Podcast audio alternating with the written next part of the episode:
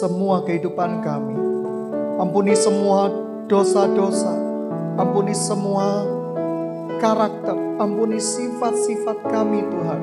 Yang belum bisa memuliakan namamu. Yang cenderung Tuhan membuat engkau bersedih. Tuhan bakar kami dengan roh Pentakosta. Bakar kami dengan kuasa sucimu Tuhan. Mampukan kami untuk melakukan apa yang tidak bisa kami lakukan. Sebab hanya padamu lah Tuhan kami bergantung penuh. Hanya padamu lah kami berserah penuh Tuhan. Mau menyerahkan semua isi firman ini dalam tanganmu. Mau menyerahkan semua keluarga kami dalam perlindungan tanganmu. Dan kamu menyerahkan ruangan ini dan seluruh pelayan-pelayan Tuhan dan sidang jemaat Tuhan di dalam tangan Terima kasih Tuhan Yesus Kristus. Dalam nama Tuhan Yesus Kristus kamu berdoa dan mengucap syukur. Haleluya. Amin. Teman-teman yang dikasih Tuhan, sidang jemaat yang dikasih Tuhan hari ini judul firmannya adalah The Last Pentecost. Mari kita belajar kebenaran firman Tuhan di dalam kisah para rasul 2. Kisah para rasul 2. Ketika tiba hari Pentakosta, semua orang percaya berkumpul di satu tempat. Tiba-tiba turunlah dari langit suatu bunyi seperti tiupan angin keras yang memenuhi seluruh rumah di mana mereka duduk dan tampak kepada mereka lidah-lidah seperti nyala api yang berbaran dan hingga pada mereka masing-masing. Maka penuhlah mereka dengan roh kudus lalu mulai berkata-kata dalam bahasa-bahasa lain yang seperti orero itu kepada mereka untuk mengatakannya. Waktu itu di Yerusalem diam di diam orang-orang Yahudi yang saleh dari segala bangsa di bawah kolong langit. Ketika turun bunyi itu berkerumunlah orang banyak dan mereka bingung karena mereka masing-masing mendengar rasul-rasul itu berkata-kata dalam bahasa mereka sendiri. Lalu mereka semua tercengang-cengang dan heran lalu berkata, "Bukankah mereka semua yang berkata-kata itu orang Galilea? Bagaimana mungkin kita masing-masing mendengar mereka berkata-kata dalam bahasa kita sendiri, yaitu bahasa yang kita pakai di negeri asal kita?"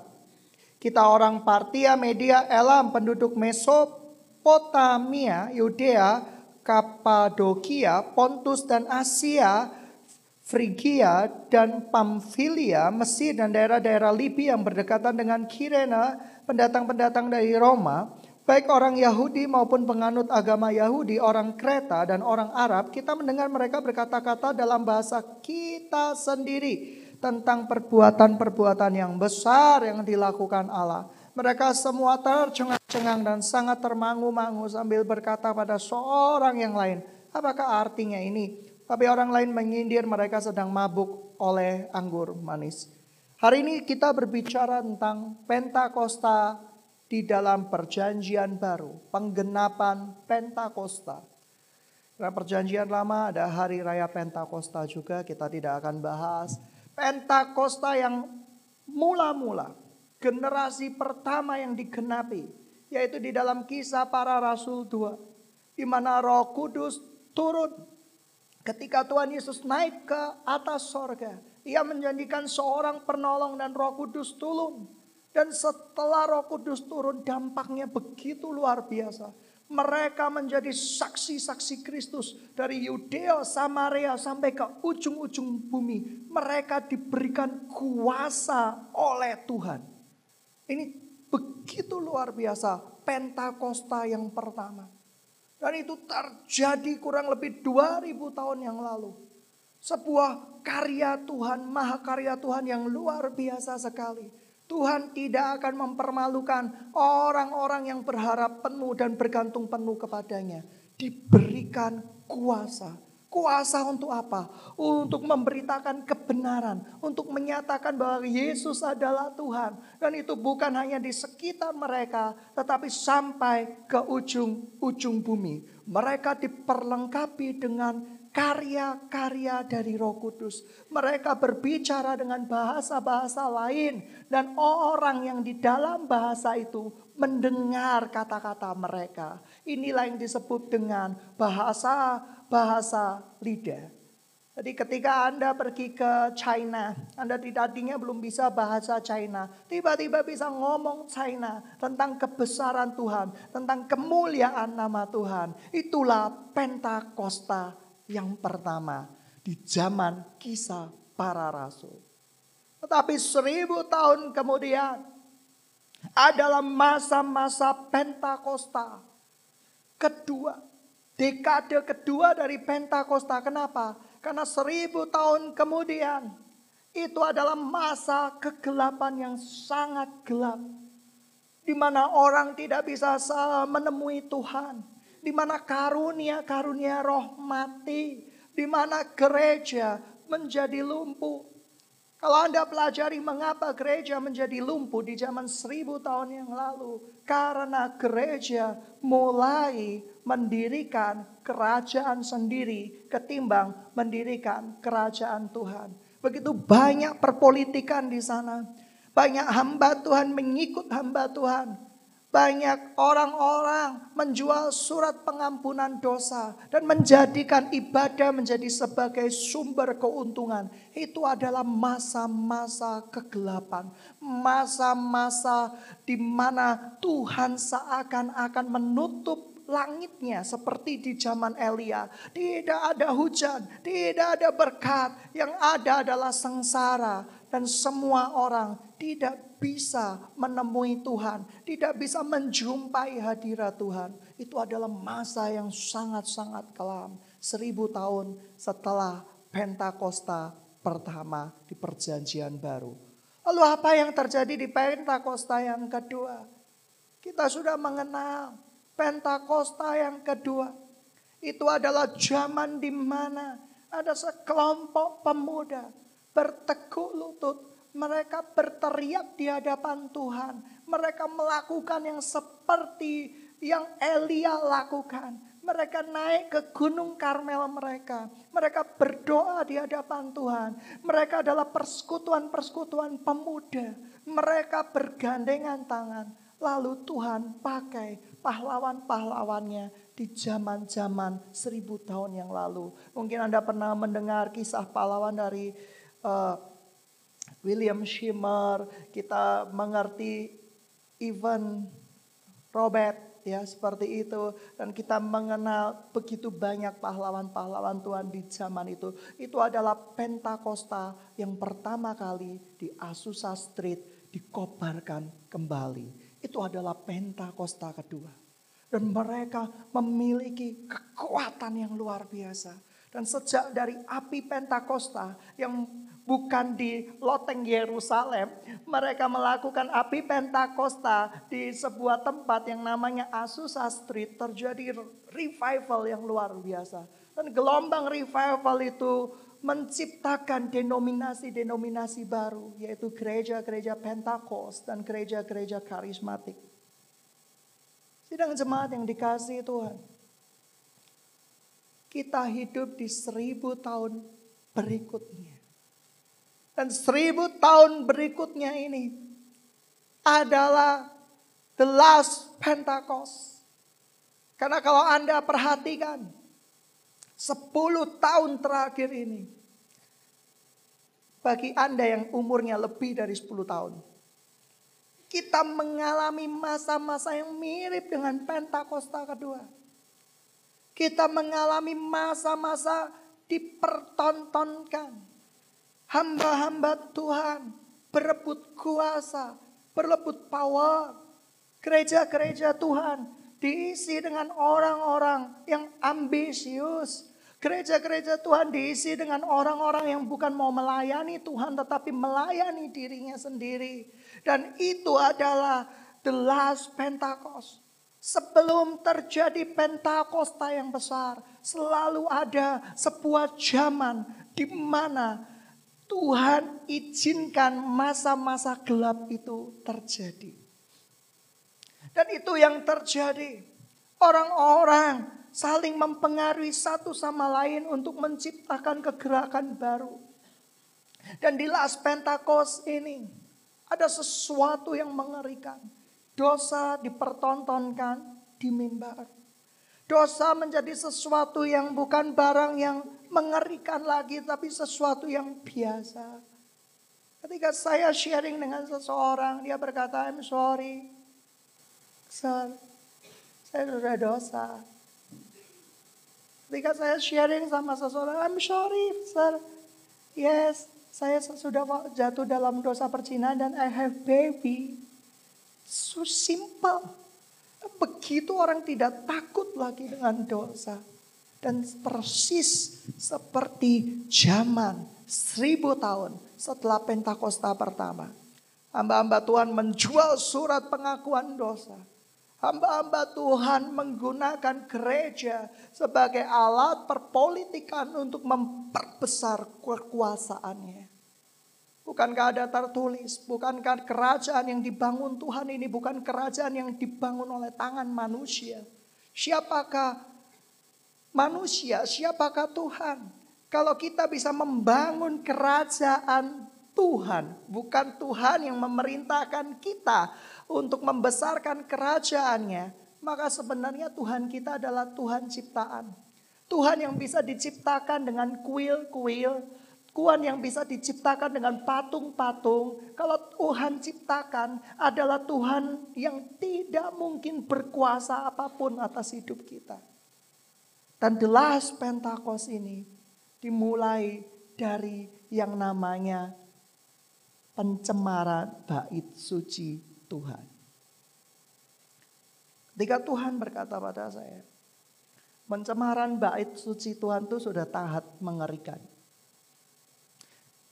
pada The Last Pentecost ini dimulai dari munculnya nabi-nabi palsu persis di zaman Elia. Rikom-rikom mendadak menjadi rikom-rikom yang penuh dengan kenabian. Aku bisa melihat engkau. Aku bisa melihat engkau. Aku bisa merasakan engkau sedang murung. Ya jelas, mukanya kayak ditekuk-tekuk gitu. Orang yang gak punya karunia pun bisa. Aku merasakan Tuhan berkata, ini pencemaran, kenajisan di mesbah Tuhan dimulai dari saya mendengar suara Tuhan. Saya bisa tahu suara Tuhan seperti apa, tapi dengan gaya bahasa yang aneh.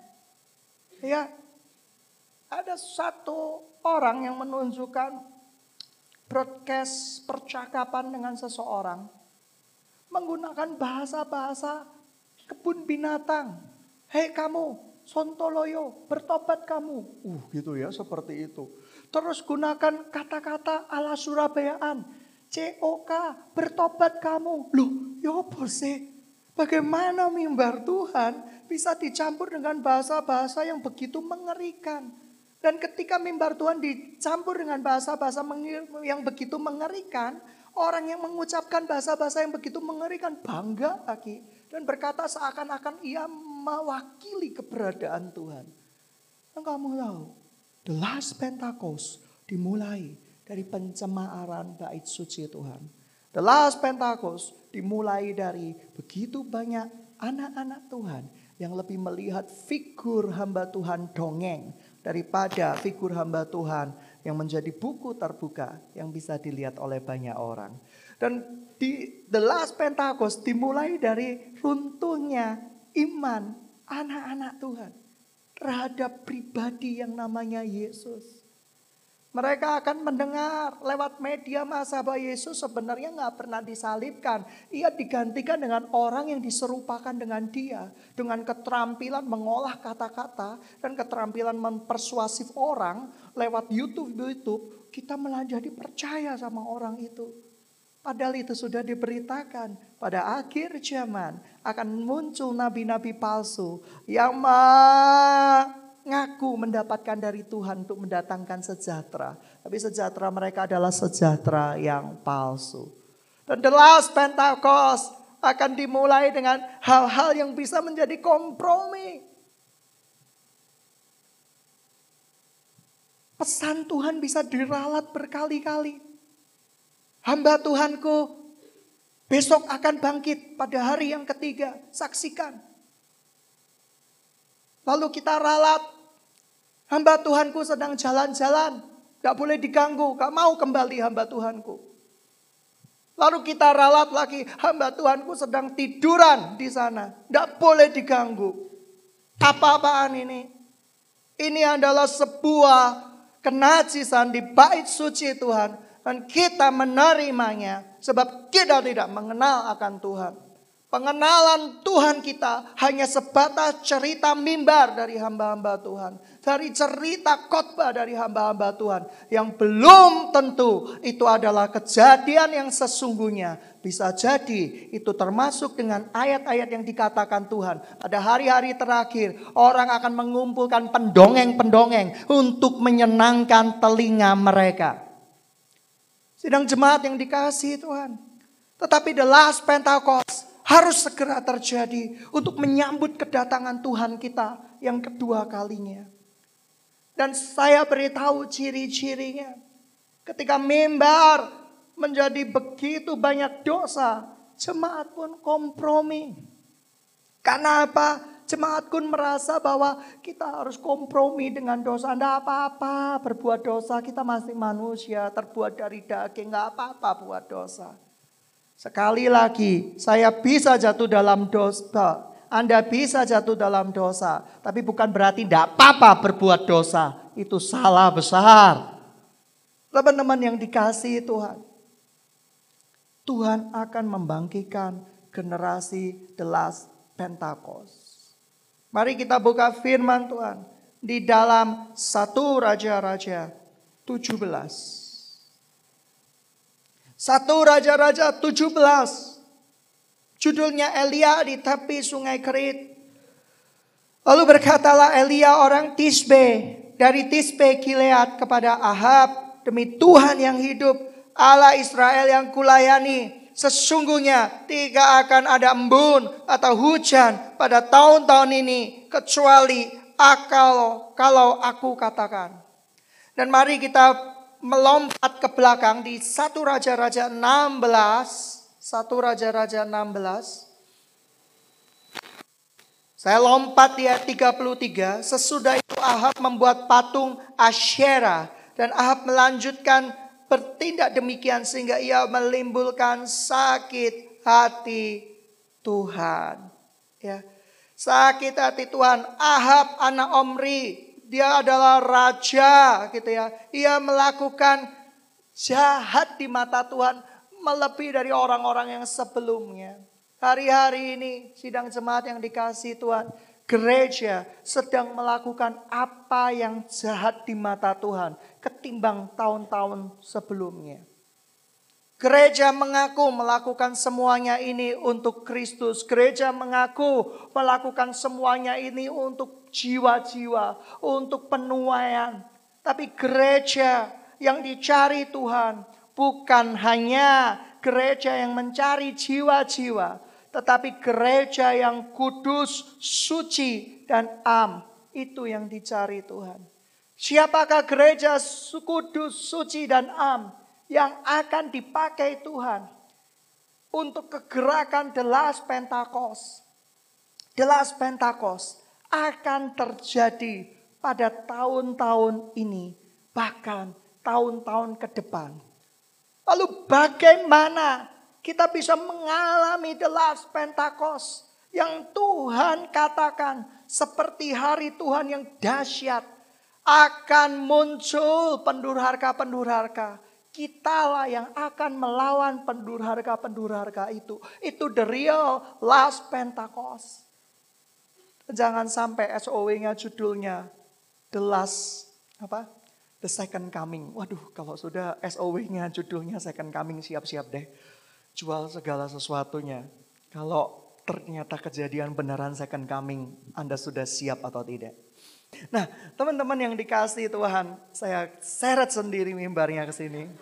Nah, ternyata pada the last Pentecost ini akan dimulai dari gereja Tuhan yang akan dimurnikan kembali. Menjadi gereja yang kudus dan am. Lalu bagaimana cara gereja Tuhan dimurnikan kembali? Seperti Pentakosta yang kedua. Zaman kegelapan mimbar dicemarkan. Harus ada orang-orang yang bangkit mengakui dosa-dosa generasi mereka dan meminta pengampunan yang suci di hadapan Tuhan. Dan itu secara berkesinambungan.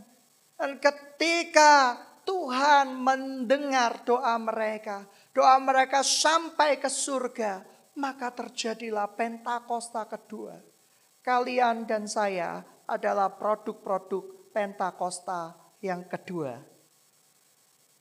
Tahun 70-an, Gereja-gereja yang aliran bukan Pentakosta pun mengalami the great revival. 70, 80, 90.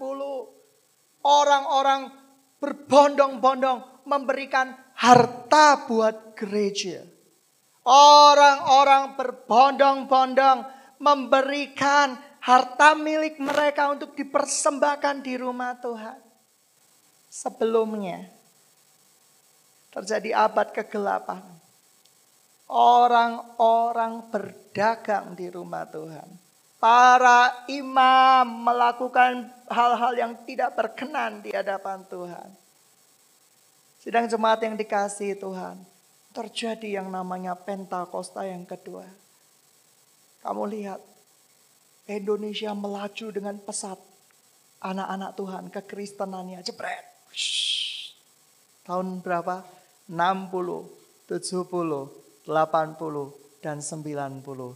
Dan saya mau kasih tahu, kalau gereja-gereja Tuhan ada yang berkata orang Kristen tambah banyak di Indonesia pada tahun 2000 ini, statistiknya dari mana? Itu adalah cerita-cerita isapan jempol.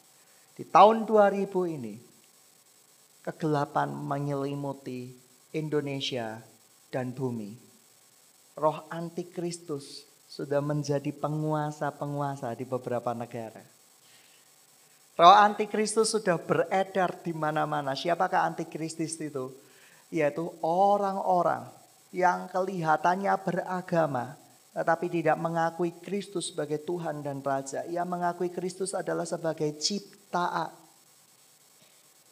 Mereka melakukan sesuatu untuk menentang dan menghancurkan. Tapi kamu mau tahu? Paulus, si pembunuh, adalah produk Pentakosta yang pertama. Pertobatan Paulus luar biasa. Karena apa? Karena api Tuhan turun di zaman itu. Di zaman kedua, zaman kegelapan, api Tuhan turun, kita produknya. Dan terjadi di tahun 2000 sampai sekarang. Sekarang bukan orang mempersembahkan harta ke gereja mancing Tuhan. Kalau saya kasih rumah tipe 54 ke rumah Tuhan, saya kepingin rumah tipe 540 kembali pada saya. Orang-orang berdagang di gereja, pergi ke gereja sebagai sarana keuntungan. Semakin banyak gereja itu punya masanya, saya prospeknya semakin banyak ini. Kalau prospeknya semakin banyak, keuangan saya semakin banyak. Salah nggak? Nggak salah. Motivasi kamu yang salah. Usaha itu nggak salah kok. Motivasi kita di dalam berusaha itu yang salah. Kita dipertontonkan. Hamba-hamba Tuhan perebutan kekuasaan. Dikit-dikit belum pernah dengar hamba Tuhan tertentu berkata sesat itu, sesat, hati-hati. Yang paling nggak sesat ya hamba Tuhan yang di tempatnya tempat masing-masing. Kalau saya berkata seperti itu, sesat, sesat, sesat, sesat, saya sendiri sesat. Iya tersesatlah saya. Teman-teman yang dikasih Tuhan. Tapi Tuhan begitu besar dan luar biasa. Akan ada the last Pentecost. Dan dia adalah generasi jawaban dari doa orang-orang yang terdahulu. The last Pentecost ini saya dulu merasa bahwa saya adalah generasi jawaban doa. Anda adalah generasi jawaban doa. Itu adalah slogan kita.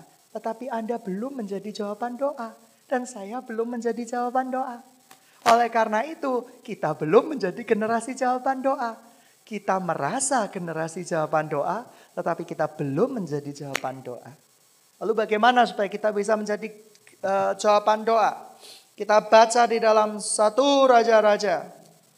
Ya, satu raja-raja ayat yang ke-18 uh, satu raja-raja 18 ayat yang ke-20. Ini persis di zaman sekarang. Ahab mengirim orang ke seluruh Israel dan mengumpulkan nabi-nabi itu ke Gunung Karmel. Lalu Elia mendekati seluruh rakyat itu dan berkata, Berapa lama lagi kamu berlaku timpang dan bercabang hati? Kalau Tuhan itu adalah Allah, ikutilah dia. Kalau Baal, ikutilah dia. Tapi rakyat itu tidak menjawabnya sepatah kata pun. Lihat, rakyat takut. Rakyat lebih melihat nabi-nabi Ahab yang pinter main sulap, yang pinter main trik, yang pinter main sinetron. Tapi mereka tidak mempercayai Elia. Padahal Elia adalah nabi yang diakui oleh Tuhan. Dan raja-raja sebelumnya berbicara melalui perantara Nabi Elia. Mereka tidak mau mengakui. Mereka terdiam. Mungkin di hati mereka tahu Elia adalah utusan Tuhan. Tapi pikiran mereka sudah mulai tertuju kepada nabi-nabi Ahab. Hati-hati loh teman-teman. Kalau kamu memfigurkan seorang hamba Tuhan, siapa pun juga, di tempat ini, baik di tempat yang lain, Anda sebenarnya sudah memfigurkan nabi-nabi Baal Hati-hati. Berikutnya, lalu Elia mendekati seluruh uh, ayat yang ke-22. Lalu Elia berkata kepada rakyat itu, hanya aku seorang diri yang tinggal sebagai nabi Tuhan. Padahal ada nabi-nabi Baal itu adalah 450 orang banyaknya. Namun baiklah diberi namun baiklah diberikan kepada kami dua ekor lembu jantan. Biar mereka memilih seekor lembu memotong-motongnya menaruh ke atas kayu api. Tapi mereka tidak boleh menaruh api. Aku pun akan mengolah lembu yang seekor lagi. Meletakkannya ke atas kayu api. Juga tidak akan menaruh api. Kemudian biarlah kamu memanggil nama Allahmu. Dan aku pun akan memanggil nama Tuhan. Maka Allah akan menjawab dengan api, dialah Allah. Seluruh rakyat menjawab katanya, baiklah demikian. 450 orang melawan satu. Mereka berharap dengan teriakan-teriakan para nabi Baal itu, ya, suaranya bisa membakar lembu itu. Suaranya, ya, mungkin bahasa Jawanya ababnya bisa membakar, dikeroyok 450 orang. Ayo bisa kebakar, kebakar gitu ya. Tapi dengan mujizat yang tidak pernah disangkal lagi. Nabi-nabi Baal itu tidak bisa melawannya. Mujizat trik gampang. Kita di KKR. Orang lumpuh bisa melihat. Orang buta bisa berjalan, itu hal yang mudah. Dengan sugestif, dengan trik bisa berjalan mudah dan kita begitu terharu dengan lantunan-lantunan lagu. Apakah itu mujizat yang benar-benar bisa dibuktikan? Sebagian mungkin iya, karena kasih kemurahan Tuhan. Tapi sebagian tidak. Sebagian itu adalah sebuah atraksi panggung. Tapi hari ini Nabi Elia dengan pakaian yang compang camping. Nabi Elia itu tampan nggak? Kagak. Kamu ngeliat itu di zamannya itu mungkin bisa sebut orang gila. Karena apa? Pakaiannya begitu biasa. Pakaiannya begitu sederhana. Tapi nabi-nabi Baal, kalau kamu mau lihat nabi-nabi Baal di zaman modern, adalah nabi-nabi yang menggunakan jas, dengan minyak wangi yang bisa tahan 48 jam. Dengan sepatu yang bisa berkilau untuk mengaca dirinya sendiri. Dengan jas yang harganya begitu mahal. Sampai orang yang menyentuh bajunya pun segan. Dan itu berjumlah 450 orang. Kita ketika kita melihat rupa bukan melihat kuasa yang ada di dalamnya Nabi-nabi Baal ini adalah nabi-nabi dengan kuasa trik kesembuhan yang dipublikasikan besar-besaran sehingga kesannya menjadi seorang nabi yang luar biasa. Tetapi Nabi Elia ini tanpa trik. Mari kita baca berikutnya. 24. Ya, Kemudian biarlah kamu memanggil nama Allahmu dan aku pun akan memanggil nama Tuhan. Maka Allah yang menjawab dengan api, dialah Allah. Seluruh rakyat menyaut, baiklah demikian. Kemudian Elia berkata kepada nabi-nabi Baal itu, pilihlah seekor lembu olahlah itu dahulu, karena kamu ini banyak. Sesudah itu panggilan nama nama Allahmu, tetapi kamu tidak boleh menaruhnya di dalam api. Kemudian mereka mengambil lembu diberikan kepada mereka dan mengolah dan memanggil nama Baal dari pagi sampai tengah hari katanya. Ya Baal, jawablah kami. Tapi tidak ada suara, tidak ada yang menjawab. Sementara itu mereka berjingkat-jingkat di sekeliling mesbah yang dibuat mereka itu. Wah lucu ya. Berjingkat-jingkat gitu ya. Mereka melakukan tarian-tarian yang sudah kayak orang stres. Ya. Nabi Elia, lembunya cuma satu. Cuma dipotong, digorok dengan lembu utuh. Nabi-nabi Baal karena berjumlah 450 dipotong-potong seperti kodok. gitu ya. Dagingnya kecil-kecil gitu ya seperti itu. Dengan berharap kalau dagingnya kecil-kecil lebih mudah membakarnya. Tapi mereka sudah semakin gila. Tengah hari tidak dijawab, mereka berjingkat-jingkat seperti pencuri gitu ya, seperti itu memutari mesbah itu dengan berharap apa ya, hati-hati Baal sedang tidur, kalau tidur tidak boleh diganggu. Nah hari-hari ini kita banyak terima pesan-pesan yang tidak sesuai dengan firman Tuhan. Yang bukan sesuatu pesan yang sebenarnya pesan Tuhan. Supaya usahamu laku. Ambillah Alkitab Taruhlah 12 kemenyan. Taruhlah dua lilin. Ambil patung yang berbentuk kucing dengan tangan melambai-lambai. Maka usahamu akan laku. Orang Kristen percaya loh gitu-gitu. Kristen apa? Kristen yang masuk zaman kegelapan. Dan berikutnya kita baca pada waktu tengah hari Elia mulai mengecek mereka. Panggillah lebih keras, bukankah dia Allah? Mungkin ia sedang merenung, mungkin ada urusannya, mungkin ia sedang berpergian. Barangkali ia tidur, belum terjaga. Maka mereka memanggil lebih keras. Mungkin kalau di zaman sekarang, kita KKR pakai sound system yang paling keras. GPL sampai jebol. Ya kan? Kita pakai sound system yang luar biasa besarnya untuk memanggil pengurapan Tuhan. Dan berikutnya dikatakan apa? Mereka memanggil lebih keras setelah menoreh-noreh dirinya dengan pedang dan tombak. Seperti kebiasaan mereka sehingga darah bercucuran dari tubuh mereka. Sesudah lewat tengah hari mereka kerasukan sampai waktu mempersembahkan korban petang. Tetapi tidak ada suara, tidak ada yang menjawab, tidak ada perhatian. Ini sebenarnya bisa nggak Baal membakar api? Bisa. Loh kok nggak kebakar? Mereka kerasukan loh. Dalam bahasa aslinya mereka trans with spirit. Uh, dikuasai oleh roh. Roh jahat bisa bakar api nggak bisa. Tapi kenapa mereka nggak bisa? Karena Elia yang seorang diri dengan malaikat belaksa-laksa sudah mengikat roro Baal itu ditaruh di paling ujung dengan mulut yang sudah dibungkam oleh malaikat-malaikat itu dikumpulin jadi satu sehingga mereka tidak mungkin bisa membakar. Ada kalanya ketika Tuhan marah, ketika Tuhan ingin memakai generasi the last Pentecost.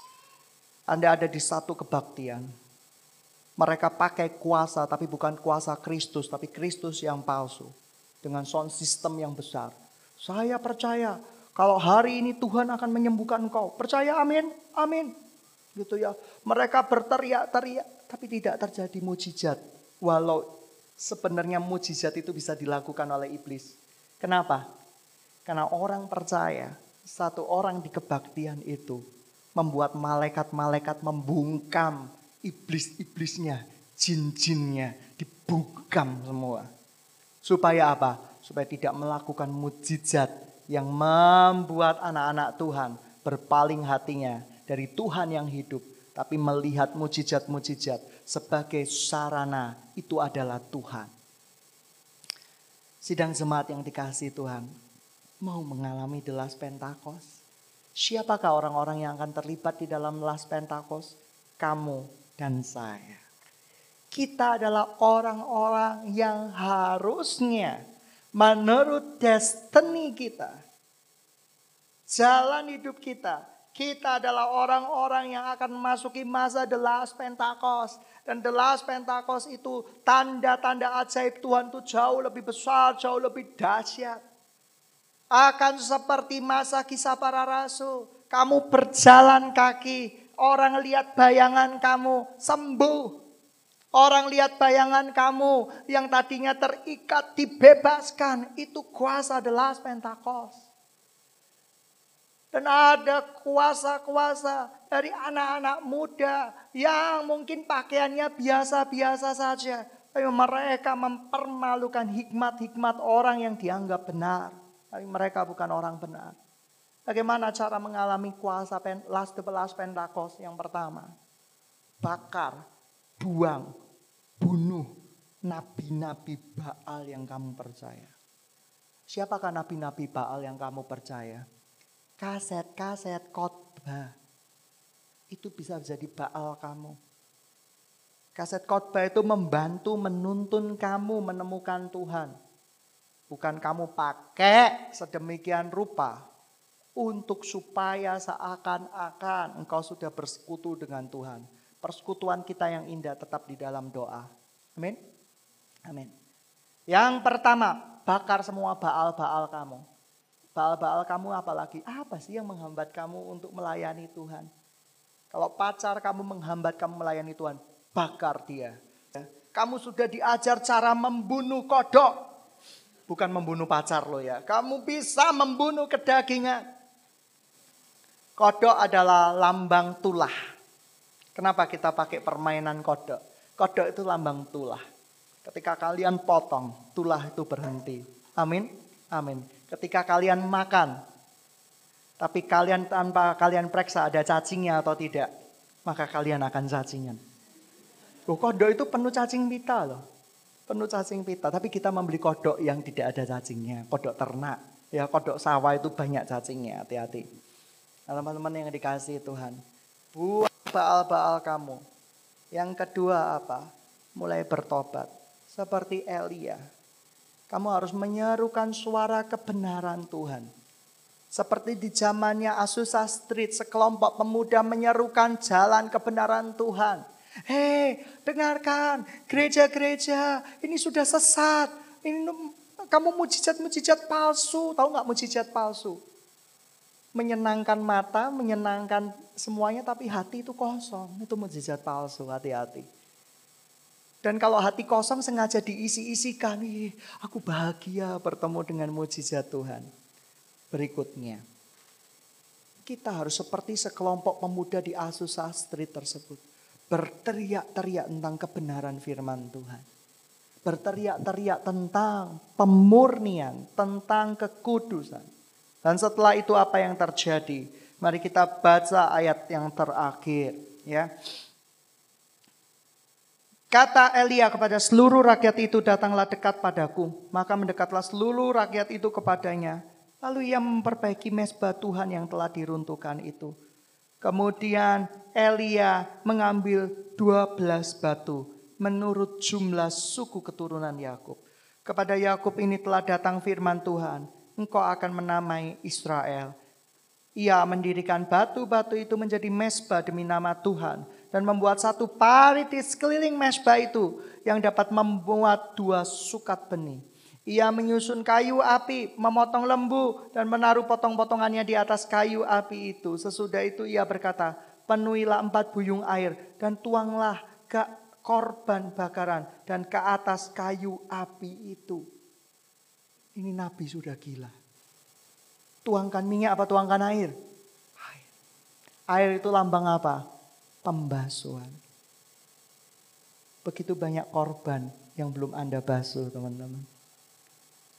Begitu banyak korban yang Anda persembahkan di rumah Tuhan, Anda belum basuh terlebih dahulu. Dibasuh itu apa? Dengan rela, dengan kerendahan hati, dengan kerinduan memberi di rumah Tuhan. Bukan dengan motivasi back 100 kali lipat ganda. Ya. Elia mengajarkan kepada kita. Korban bakaran tidak boleh dipersembahkan dengan cuma-cuma. Pemusik-pemusik, ketika sebelum melayani, Anda berbuat dosa, Anda berbuat cabul, Anda berbuat zina misalnya. Berhenti dulu dari pelayanan Anda. Bersihkan dulu. Bersihkan dulu, berobat sungguh-sungguh dulu. Kembali di dalam altar Tuhan. Itu Nabi Elia mengajarkan korban yang tidak dibersihkan dengan air, korbannya nggak akan dibakar sama Tuhan. Nggak akan dapat api Tuhan. Kamu main flex soro-soro, kamu main tamborin soro-soro, hidupmu berzina, hidupmu cabul gitu ya. Kamu cuma fitness gratis, turun berat badan. Sehat nggak? Belum tentu sehat. Berhenti artinya apa? Sudah, jangan seperti orang lebay. Aku tidak melayani Tuhan seumur hidupku. Aku pendosa. Iya, kamu memang pendosa. Tidak usah lebay. Bangkit dari dosamu. Nggak usah kayak orang lebay. Seakan-akan kepentingan banget kamu ada gitu ya untuk melayani Tuhan. Semua orang berhak melayani Tuhan. Dan Tuhan senang dengan pelayanan kamu. Tapi Tuhan harus, kamu harus membersihkan dirimu dari semua dosa yang ada. Amin. Amin. Korban bakaran harus dibersihkan dulu. Jangan sekali-sekali langsung diserahkan kepada Tuhan. Lalu kedua kalinya, buatlah begitu untuk kedua kalinya. Mereka berbuat begitu untuk kedua kalinya. Kemudian katanya, buatlah begitu untuk ketiga kalinya. Dan mereka berbuat begitu untuk ketiga kalinya. Sehingga air mengelilingi sekeliling mesbah itu bahkan parit pun itu penuh dengan api. Tiga kali. Alkitab sukalah angka tiga. Angka tiga itu angka apa sih? Angka ketidakpercayaan. Tetapi angka kesempurnaan juga. Petrus menyangkal Tuhan Yesus berapa kali? Tiga kali. Tuhan Yesus bangkit di antara orang mati pada hari yang keberapa? Hari kedua, hari ketiga, hari ketiga. Anda begitu banyak bingung dengan, oh Yesus nggak bangkit hari ketiga, hari kedua, hari apa? Sudah, kamu retreat tiga hari, dua malam nggak? Ya, Dua malam apa tiga hari? Tiga hari, tiga malam sama tiga hari, dua malam enggak? Kok beda? Dua malam sama tiga hari. Kalian beda sudut pandang. Tetapi itu tidak menggagalkan Anda sedang retreat. Amin? Amin. Ya, seperti itu. Berikutnya. Diisi air sampai paritnya penuh. Mungkin Anda yang melayani Tuhan. Anda tidak perlu mandi, gak apa-apa. Tamborin-tamborin Anda tidak perlu mandi. Tapi berdoalah terlebih dahulu minta Tuhan kuduskan saya, sucikan saya. Jangan sampai Tuhan persembahan korban saya ini tidak engkau dengar. Berdoa terlebih dahulu. Tiga kali itu artinya apa? Lambang kesempurnaan, lambang penyerahan. Kamu main tamborin di tempat ini, dengan barang-barang impor yang termewah sekalipun yang mungkin dengan kerup yang bisa kena cahaya eh, ada wajah kamu di mana-mana gitu ya. Seperti itu. Tidak akan membuat engkau diterima di sisi Tuhan yang Maha Esa. Tidak akan membuat persembahanmu diterima.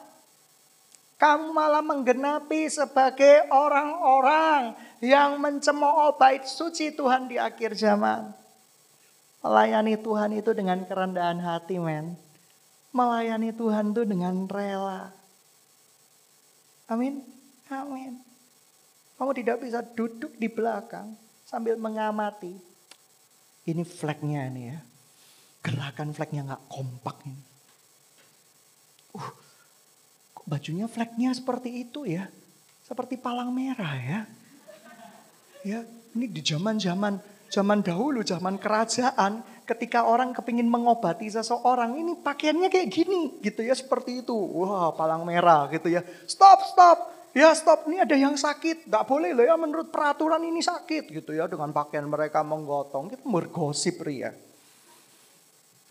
Aduh, kok pakaiannya tamborinnya gitu-gitu tok loh ya.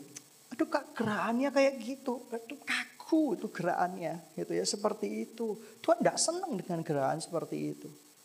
Saya mau kasih tahu. Tuhan lebih suka sesuatu yang atraktif apa dari hati? Dari hati. Ya memang sih kalau tamborin sama flag ya harus ada skill. Dari hati tok ya percuma gitu ya seperti itu. Anda akan membuat kegaduhan di hadapan jemaat. Dan Anda akan menjadi pusat perhatian gitu ya seperti itu. Siapakah orang yang stres yang sedang tampil di depan? Ya, Anda sedang menjadi pusat perhatian ya enggak segitunya lah. Tapi teman-teman yang dikasih Tuhan, tiga kali bersungguh-sungguh melayani Tuhan. Ya, kalau kamu melayani Tuhan dengan sungguh-sungguh, pasti ada yang namanya penundukan diri. Kamu jangan pernah menundukkan diri pada orang yang nggak pernah tunduk kepada pemimpinnya. Karena roh dosa pemberontakan akan ada mengalir di dalam hidupmu.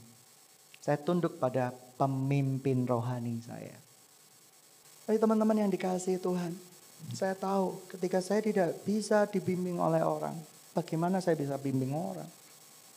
Semuanya cuma pembual dan omong kosong yang keluar dari lidah bibir saya. Yang menceritakan Kristus yang kita sendiri tidak mengerti tentang kepemimpinan Kristus. Hati-hati loh ya. Belajar untuk dimuridkan. Belajar untuk dibimbing. Lihat leader-leader kamu, ketua-ketua rekom kamu. Mau nggak dia dibimbing? Gitu ya. Kalau dia nggak mau dibimbing, jangan ngikuti dia. Karena apa? Orang buta menuntun orang buta. Akhirnya apa? Jadi si buta dari gua hantu. Iya enggak? Percuma. Kalau kamu nggak bisa dibimbing, kamu nggak bisa bimbing orang lain. Kamu nggak belajar rendah hati. Kamu nggak bisa memerintahkan orang-orang di bawahmu untuk rendah hati. Orang-orang yang kamu bimbing untuk rendah hati. Tidak bisa. Teman-teman yang dikasih Tuhan, berikutnya. Saya minta pemain musik maju ke depan. Kemudian pada waktu mempersembahkan korban petang, tampilan Nabi Elia dan berkata, Ya Tuhan Allah Abraham, Isa dan Israel, pada hari ini biarlah diketahuilah bahwa engkaulah Allah di tengah-tengah Israel, bahwa aku ini hambamu, bahwa segala firmanmu, aku melakukan segala perkara ini ya dengan atas firmanmu, atas suruhan Tuhan, ia melakukan semuanya ini. Jawablah aku, uh, jawablah aku ya Tuhan, jawablah aku supaya bangsa ini mengetahui bahwa Allah ya Tuhan, engkaulah yang membuat mereka hati bertobat kembali. Lalu turunlah api Tuhan menyambar habis korban bakaran. Kayu api, batu dan tanah itu, bahkan air yang di dalam parat itu habis dijilat. Kita butuh roh Pentakosta. Nabi Elias sedang mengalami Pentakosta di zamannya, men. Dan las Pentakosta selalu dimulai dari sebuah keadaan kegelapan. Saya tidak tahu. Mungkin studimu di dalam masa-masa kegelapan. Sejauh mata memandang gak ada nilai A. C, cukuplah itu daripadaku. Amin. Amin. Mungkin bukan C, kamu dapat D. Biarlah direndahkan hatiku di hadapan Tuhan. Iya enggak? Kamu dapat E. Supaya kamu bisa berteriak Elohim, Elohim. Tolonglah saya. Saya mau mengulang lagi. Ya, kalau dapat F gitu ya, saya nggak ada gitu. Ya teman-teman yang dikasih Tuhan, sidang jemaat yang dikasih Tuhan. Kita belajar hari ini The last Pentecost dimulai dari apa? Dari sebuah keadaan yang tidak baik di gereja Tuhan. Dan itu mewabah. Ini momennya last Pentecost. Di mana kamu kekurangan, kamu seakan-akan suara Tuhan itu tidak menuntun kamu lagi. Seakan-akan suara Tuhan itu begitu berhenti. Usahamu gagal, studimu gagal. Itu awal Pentakosta yang besar. Lalu bagaimana kita mengalami kuasa Pentakosta? Dirikan mesbamu di hadapan Tuhan. Kita harus berani mendirikan mesbah. Kalau usahamu hancur, usahamu gagal. Hari-hari ini banyak usaha yang hancur, teman-teman. Tapi Tuhan ingatkan saya untuk mendirikan mesbah di hadapan Tuhan. Mesbah itu artinya apa? Pertanda bahwa Tuhan yang memiliki usaha ini. Tuhan yang memiliki gereja ini. Amin. Lalu di atas mesbah itu didirikan apa? 12 suku Israel. Apa artinya 12 suku Israel? Bahwa Tuhan tidak pernah ya, sekali lagi ya. Ketika kamu berdoa jangan pernah pikir Tuhan itu tidak tahu kebutuhanmu. Satu pun tidak kelewatkan. Kalau Tuhan mau, Tuhan akan pakai suku Israel saja. Tapi kalau dia sudah berjanji 12 suku Israel sebagai tanda Tuhan berkenan, Nabi Elia menyusun ke 12 batu membentuk mesbah. Artinya apa? Kalau dirikan mesbah, jangan sekali-kali ada satu ketidakpercayaan. Jangan ada kecurigaan sama Tuhan. Sebab firman Tuhan itu ya dan amin yang mampu menjawab doa-doa kamu. Amin. Amin. Dan yang berikutnya, setelah kamu mendirikan mesbah Tuhan, basuh mesbah itu tiga kali. Kamu ketika datang ke rumah Tuhan, masih ada sesuatu yang jahat di hatimu. Masih ada sesuatu yang tidak benar di hidupmu. Masih kamu sering mengatasnamakan Tuhan basuh. Basuh itu apa? Pengakuan. Saya diajarkan untuk mengaku di hadapan Tuhan. Saya bukan gembala yang baik Tuhan. Saya masih suka ngeluh, saya masih suka marah. Telinga saya suka merah Tuhan, walaupun saya bukan keturunan Indian tuh dengar apa-apa suka marah, suka merah telinganya. Tuhan ampuni Tuhan, basuh saya, basuh saya, saya minta maaf di hadapanmu Tuhan. Dan ketiga kali, sampai benar-benar kita merasa bahwa kita sudah siap, kita masuk ke mesbah Tuhan. Setelah masuk di mesbah Tuhan, minta apa? Minta firmannya. Bukan firmanmu loh ya. Firmannya, atas firman Tuhan. Biarlah mereka tahu, atas firmanmu aku melakukan ini. Di atas mesbahmu kau katakan, berliarlah kehendakmu yang jadi, bukan kehendakku yang jadi. Karena kamu percaya sama Tuhan. Dan kamu bergantung penuh sama Tuhan. Dan setelah mesbah itu diberikan, api Pentakosta akan menyala kembali. Sidang jemaat yang dikasih Tuhan, Tuhan memberikan bocoran tentang api Pentakosta yang terakhir. Orang yang sudah dipancung kepalanya bisa hidup kembali. Kalau kamu percaya dengan nama Yesus. Kamu akan meminum ular, bukan minum ular. Kamu dibakar ISIS. Kamu nggak akan mati. Tuh, kok bisa?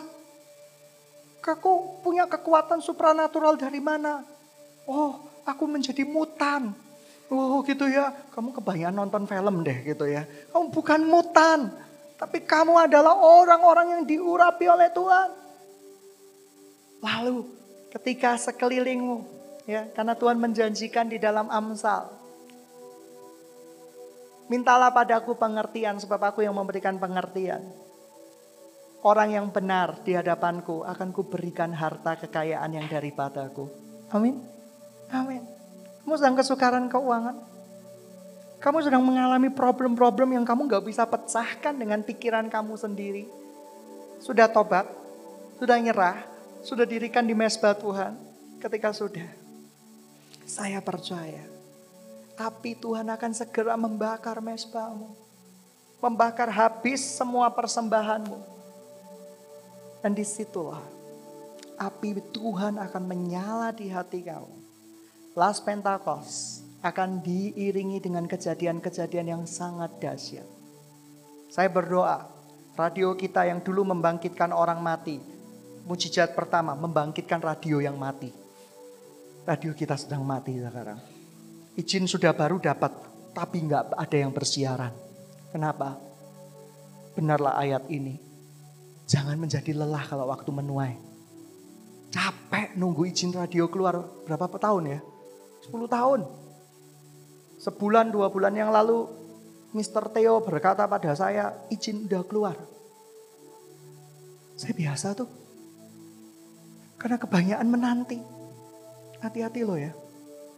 Nanti tiba-tiba kamu yang berdoa untuk pasangan tiba-tiba dikasih ketika lihat pasanganmu. Biasa tuh. Gitu ya seperti itu udah nggak ada rasa, udah mati rasa. Lu gimana gitu ya? Kenapa? Karena waktu menuai itu dibutuhkan yang namanya api. Kita menuai tanpa api hambar. Biasa. Biarkan api Pentakosta yang berikutnya. Tuhan akan memberikan teruna-terunanya mimpi dan penglihatan. Bukan hanya mimpi dan penglihatan. Kamu berdoa, one day Ketika kami berdoa, ketika saya berdoa, saya mengalami sesuatu yang tidak pernah saya bayangkan sebelumnya. seperti nyata, seperti lihat film tiga dimensi. Kalah film tiga dimensi. Wong saya sampai bisa cium baunya kok. Bau apa? Bau perang.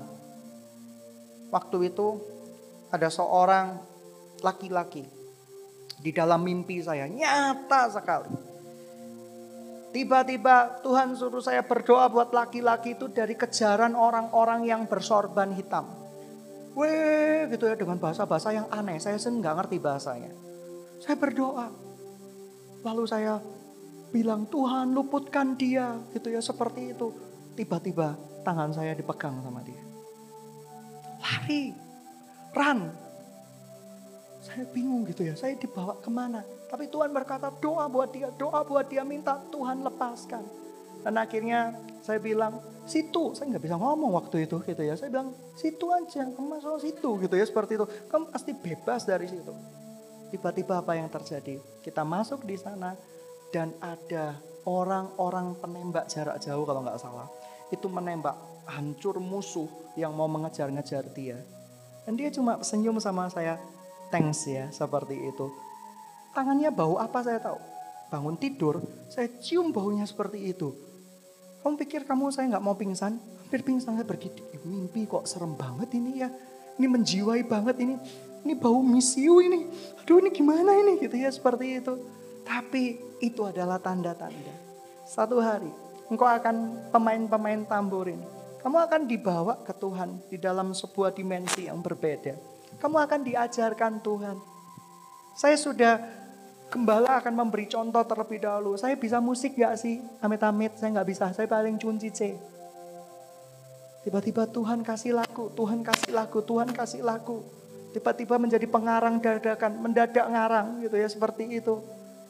Ketika di belakang sana, sebelum SOW, saya capek sekali. Capek banget Tuhan, saya capek banget. Tiba-tiba Tuhan angkat saya. Tuhan pegang tangan saya. Tuhan genggam jemari saya. Lalu dia berkata, ayo ikut dalam rencanaku. Saya nangis waktu itu dia tuh. Langsung saya ambil BB saya. Saya ada suatu hati yang mengalir kata-kata saya tulis. Ketika waktu kita mau TOY, Tears of Yahweh. Ingat, saya ngelihat orang nari-nari tentang apa ya TOY dan yang lain-lain saya duduk di belakang. Tuhan memberikan lagu, Tuhan tak janji. Seperti saya diberikan, kalian akan diberikan jauh lebih keren, jauh lebih hebat. Mengapa? Itu kuasa delas Pentakos. Jangan main-main. Tuhan sedang mau pakai kamu. Tuhan mau mempermalukan orang-orang yang paling berhikmat. Tuhan sedang mau meninggikan usaha kamu. Aku akan mempermalukan hikmat-hikmat orang yang paling berhikmat sekalipun. Jikalau kamu bergantung penuh sama aku, aku tidak akan mempermalukan engkau. Tapi sebelum kuasa las pentakos itu ada, kamu akan direndahkan dulu. Ada masa-masa kegelapan. Siapa yang sudah masuk masa-masa kegelapan angkat tangan. Kuliah selesai gak tahu harus berbuat apa. Menunggu janji Tuhan tentang pekerjaan dan pasangan Masuk masa-masa kegelapan enggak? Masuk masa kegelapan. Siapa yang kamu masuk masa-masa kegelapan di studi kamu? Lolos dari Ubaya aja, Petra aja udah merupakan sebuah anugerah dan mujizat. Mendapat C aja sudah merupakan sebuah kata ciami, bukan cukup tapi sudah ciami. Mengalami masa-masa seperti itu atau usahamu mengalami gali lubang, tutup lubang, mengalami problem demi problem. Kamu bekerja ikut orang, kamu dimarah-marahi sama orang. Pasti kan, kamu kamu bekerja ikut orang. Kalau kamu bekerja ikut Tuhan, kamu dimarahi sama siapa? Dimarahi dan dibimbing oleh Tuhan. Makanya jangan pernah bekerja ikut orang. Amin. Iya. Kalau kamu bilang pada saya, saya bekerja ikut orang dan dimarahi orang, itu wajar, puji Tuhan. Kalau kamu ikut orang dan dimarahi hantu, itu yang gak wajar. Amin. Amin. Delas Pentakos. Siapa yang mau mengalami kuasa Delas Pentakos? Lambai-lambaikan tangan, pemain flag lambai-lambaikan bendera. Iya, oke. Okay. Kita berdoa sama-sama. Siapa yang mau dibimbing Tuhan? Siapa yang mau dituntun Tuhan? Kita mau masuk The Last Pentecost. Pada hari-hari terakhir Tuhan akan memakai teruna-terunanya. Pada hari-hari terakhir Tuhan akan membangkitkan sebuah generasi yang bernama generasi jawaban doa. Pada hari-hari terakhir mimbar gereja akan dimurnikan kembali sampai masa kedatangannya. Dan pada hari-hari terakhir Tuhan akan memakai pemuda dan pemudi yang kelihatannya nggak layak penuh dosa untuk melakukan, untuk mentransferkan kuasa Pentakosta. Biarlah api dari Tuhan membakar kita semua. Yang mau dibimbing Tuhan, yang mau disertai Tuhan. Kita bangkit bersama-sama.